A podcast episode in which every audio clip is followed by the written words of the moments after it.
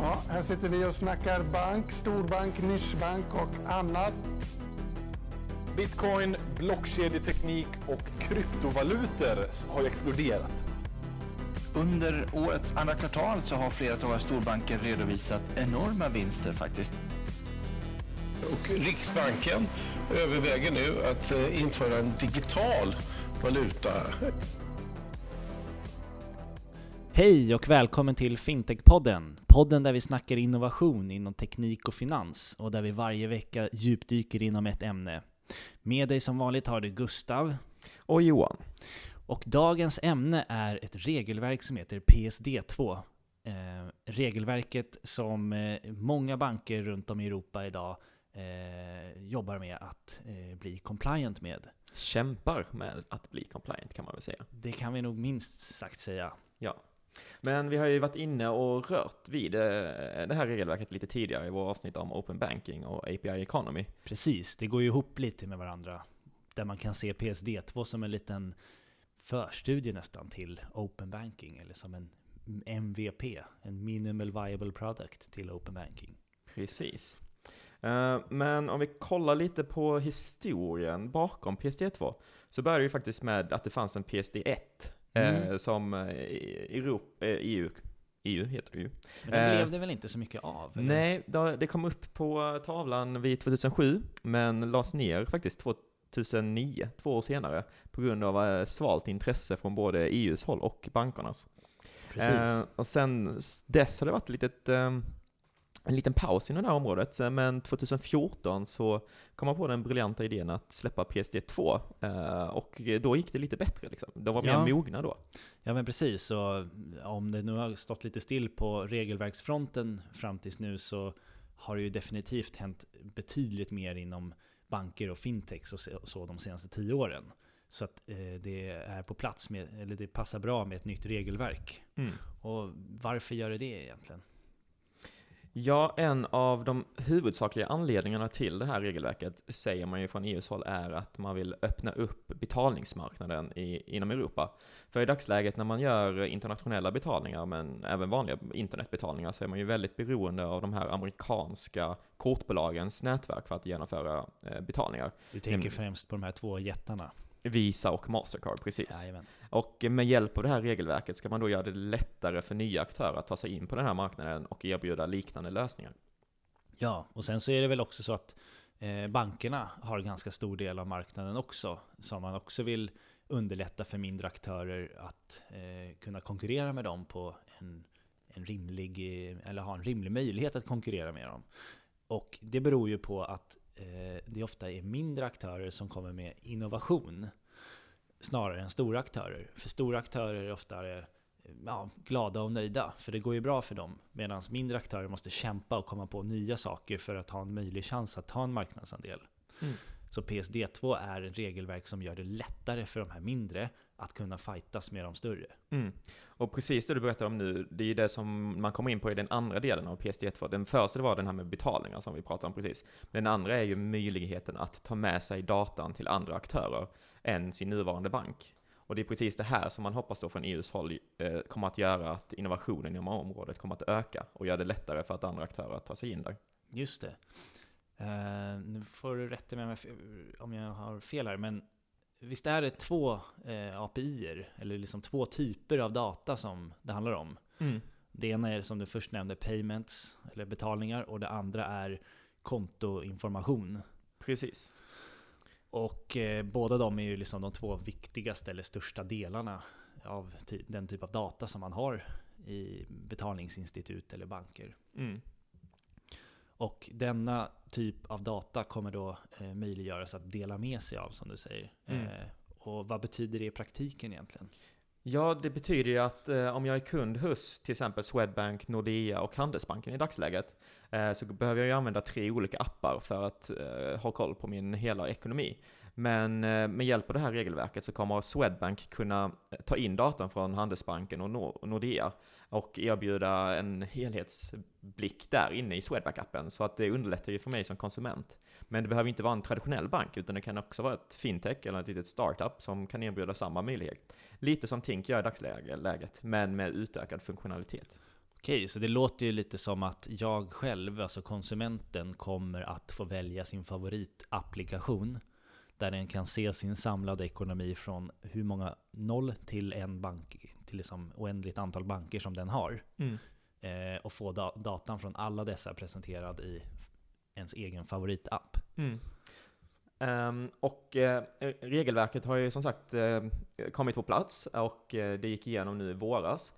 Men sen har bankerna 18 månader på sig att faktiskt bli helt compliant innan de kan få böter om de inte har blivit helt compliant och delar med sig av den här datan. Just det. Vilket betyder att ungefär nästa år, vid september 2019 då alltså, så kommer alla banker i hela Europa vara tvungna att dela med sig av datan.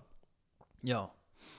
Och eh, en start på det här, det är ju det man ser hos många banker idag eh, som har en sån här open banking-sida. Där man eh, har lagt ut de här eh, API-erna som ingår i, i, som man blir tvingad att lämna ut i, i enlighet med PSD2 då. Eh, där man testar dem i dagsläget och så. Eller hur? Mm, precis. Eh, en annan intressant sak är ju att se lite, för att få ta del av den här datan så måste man ju söka ett tillstånd hos Finansinspektionen. Och de har ju redan idag öppnat upp för företag att söka tillstånd och har redan gett ut ett visst antal tillstånd. Så jag tänkte kolla lite djupare på vilka företag som faktiskt har sökt och har fått tillstånd i Mm. dagsläget. Om man kollar då på den här kontodelningsinformationen så är det tre svenska företag som har fått, eh, sökt och fått tillstånd. Nämligen Tink, eh, Trustly och ett företag som heter Instantor. Mm. Ja, Trustly har man ju börjat se lite mer och mer nu på olika sajter. Bland annat när jag bokade flygbiljetter här för en vecka sedan till Prag så gick det att betala med Trustly.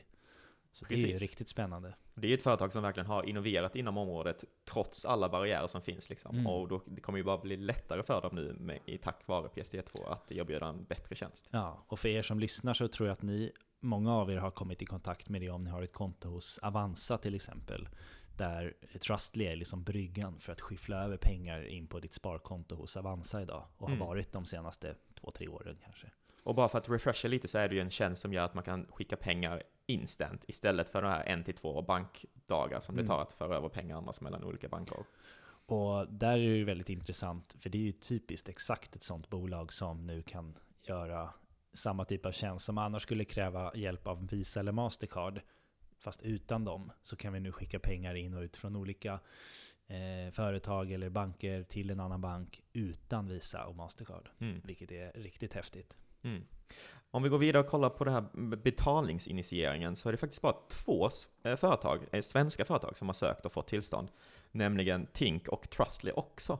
Mm. Eh, och det är ju lite intressant då att eh, de har varit ganska aktiva här, men det är kanske mer intressant om att i brist på de här legacy bankerna verkar inte bry sig så mycket om att söka de här tillstånden själva, eller har du någon uppfattning om det Gustav? Jag vet inte riktigt, men jag kan, det kanske är så att de tänker att det är, det är en självklarhet att de kommer få tillstånd, så de eh, inte så, har inte så bråttom med att söka. Men det visar Medans- inte på så mycket proaktivitet att vara sist på bollen liksom. Nej men så är det ju. Medan för Tink och sådana spelare så är det ju här den värsta möjligheten eh, Mm. som kanske avgör deras framtid. Mm. Så att där är det klart att man är på bollen direkt liksom. Och det är också någonting som är väldigt viktigt för dem att ha på plats. För i dagsläget så kan ju Tink erbjuda ungefär liknande funktionalitet tack vare en teknik som heter screen scraping. Ja, Där Tink lurar bankerna egentligen att eh, det är en privatperson som loggar in när det egentligen är en privatperson som ger tillåtelse till Tink att logga in. precis. Eh, men, och det här sättet som de använder i dagsläget kommer ju att förbjudas när PSD2 kommer i kraft helt och hållet då, nästa år Mm. efter sommaren. Och eh, i och med att det förbjuds så måste ju Tink hitta ett nytt sätt att ta, hämta in den här datan på och då är det ju nämligen via de här PSD2 API-erna där de kommer kunna göra det på samma sätt ungefär. Mm, mm. Eh, precis, och för er som inte vet vad screen scraping är då så kan man väl säga att, som du var inne på, man låter eh, en app logga in på ens eget konto och sen läser den av vad som finns, som, Mm. en, som en scanner på vad som finns på ditt konto. Mm. Och sen presenterar den det på ett annat sätt. Mm. Och det är ju anledningen till varför du måste logga in med BankID varje gång du uppdaterar någonting i Tink-appen i dagsläget. För att Tink har egentligen ingen så här direkt access till bankerna i dagsläget, utan att den loggar in på eh, Swedbanks internetapp när jag ber den att hämta mitt saldo från Swedbank liksom, och låtsas vara mig när den går in där och kollar mitt saldo. Ja, en sak jag har tänkt på det här är liksom så här, framöver nu hade det för mindre företag då varit bättre att ha kvar screen scraping och att det skulle vara tillåtet än att ha det nya med API? Eller är det verkligen det bästa möjliga nu för mindre företag att kunna gå via API-vägen? Ja, det är lite både eh, positivt och negativt skulle jag säga. En eh, positiv sak är ju att det blir ett mycket säkrare system där alla inblandade parter vet vilken typ av data som kommer utbytas och exakt eh, vilken tillåtelse som man som konsument ger. I dagsläget när det finns det här oreglerade sättet med screenscraping så kan ju vem som helst egentligen screenscrapa och det är ganska osäkert för dig som konsument att låta en tjänst gå in på din internetbank och du vet inte riktigt vad som händer där för det sker ju bara någonstans i molnet liksom. Eh, och det kommer ju bli mycket säkrare om man ger tillåtelse via PSD2 API för ett ting till exempel att hämta min data. För då vet jag att det är exakt min eh, transaktionshistorik som Ting kommer eh, hämta och ingen annan data som finns i min internetbank. Mm. För det, då blir det väl så med lagen nu, som jag har förstått den, att all annan data som inte ingår i de här PSD2 API-erna, den blir olaglig att hämta med hjälp av screen scraping-teknik. Ja, eh, eller det kommer bli, snarare bli tillåtet för bankerna att aktivt motarbeta screenscraping och förbjudet för aktörer att använda sig av screenscraping-teknik, tror jag. Mm. Så det är ju en teknik som helt enkelt kommer försvinna. Eh, Det finns dock ett litet undantag, är ju om eh, bankerna inte har lyckats få PSD2 API på plats, så måste de erbjuda screenscraping-teknik för aktörerna på marknaden. Mm. Så det är något som vissa banker inom Europa idag kämpar med också, att eh, om man inte har hunnit få PSD2 API på plats till efter nästa sommar så måste man fortsätta låta screenscraping vara aktivt. Ja, det låter verkligen som en spänn- vi har en spännande framtid framför oss inom framförallt både banker och även eh, verkligen spännande för startups Mm. inom bank och finans som Mm. får det här tillståndet från Finansinspektionen. Har vi någon aning om hur, hur många vi kan vänta oss kommer få det här tillståndet? Det är väldigt svårt att säga faktiskt, men eh, i media så här så har man ju hört att de flesta fintechen har ju pratat om att eh, man vill vara med på bollen inom open banking och PSD2 är ju något man har kikat, eh, kikat på helt enkelt. Eh, Så man kan ju förvänta sig att Klarna, iSettle och liknande absolut kommer ha, söka de här tillstånden och förmodligen få dem också. Och vad, vad, vad har vi- man för krav egentligen? Alltså räcker det med att man är ett startup och är reko liksom och har ja, mm, inget, som man säger, fult mjöl i påsen eller? Ja, i och med att det är ju Finansinspektionen man har att göra med så finns ju mm, vissa typer av eh, kriterium som man måste uppfylla. Men det ska inte vara så här supersvårt att få. Men som sagt, man måste ju ha ett, vara ett riktigt företag, hyfsat reko liksom och ha ekonomin på plats liksom. Mm. Så det ska ju hålla ute skumma företag från den här eh, branschen liksom.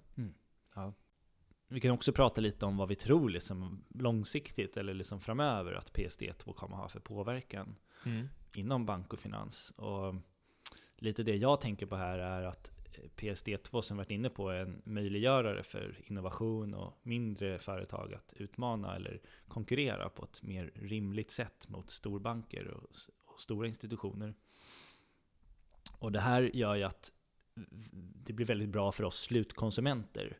Så vi kommer nog få se en väldig massa olika innovativa eh, nya appar som poppar upp de kommande åren som verkligen är pers- mer liksom personanpassade, mer nischade, kanske kommer upp vissa olika typer av nischar som, som är bara just anpassade för dig och din mål, liksom kompisar i din grupp som du gillar att använda som verkligen gör att ja, hela sättet vi interagerar med ekonomi och så kan bli både bättre, enklare och roligare. Mm. Vilket är jättebra för oss, Ja. men kommer innebära stora utmaningar för de som inte är med längst fram och skapar de här innovativa lösningarna. Och det är egentligen första gången på riktigt som den här ekonomiska datan kommer att vara öppen för företag att använda och analysera och göra tjänster kring. Liksom. För det har ju varit ganska stängt tidigare. Det har ju bara varit bankerna som har haft tillgång till den här ekonomiska datan på, hos kunderna, eller på kunderna.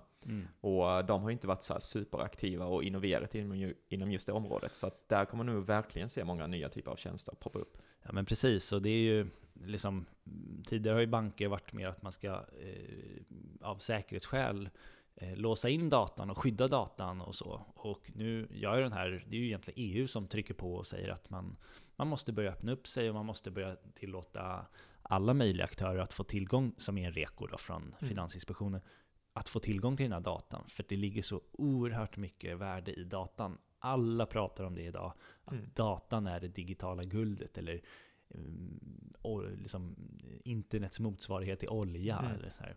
Och att verkligen öppna upp det och göra det möjligt för alla att ta del av den tycker jag är ett jättebra initiativ från EU. För det gör verkligen att vi får en mer, man kan nästan säga demokratisk eh, eh, tillgång eller möjlighet att ta de- del av eh, data idag. Mm. Vilket är jätteviktigt. Samtidigt som det pushar bankerna att verkligen dela med sig av datan på ett säkert sätt, liksom, Mm. så att det inte blir de här läckorna och problemen som kan uppstå annars. Liksom. Så att det är positivt för många synsätt det här regelverket, att det har kommit på plats och verkligen pushas ut på marknaden. Mm. Men eh, ska vi ta och runda av avs- dagens avsnitt? Ja. Eh, jag tänkte man kan säga så här att normalt sett så är väl inte PSD2 eller ett regelverk inom bank och finans det allra mest roligaste man kan komma att tänka på.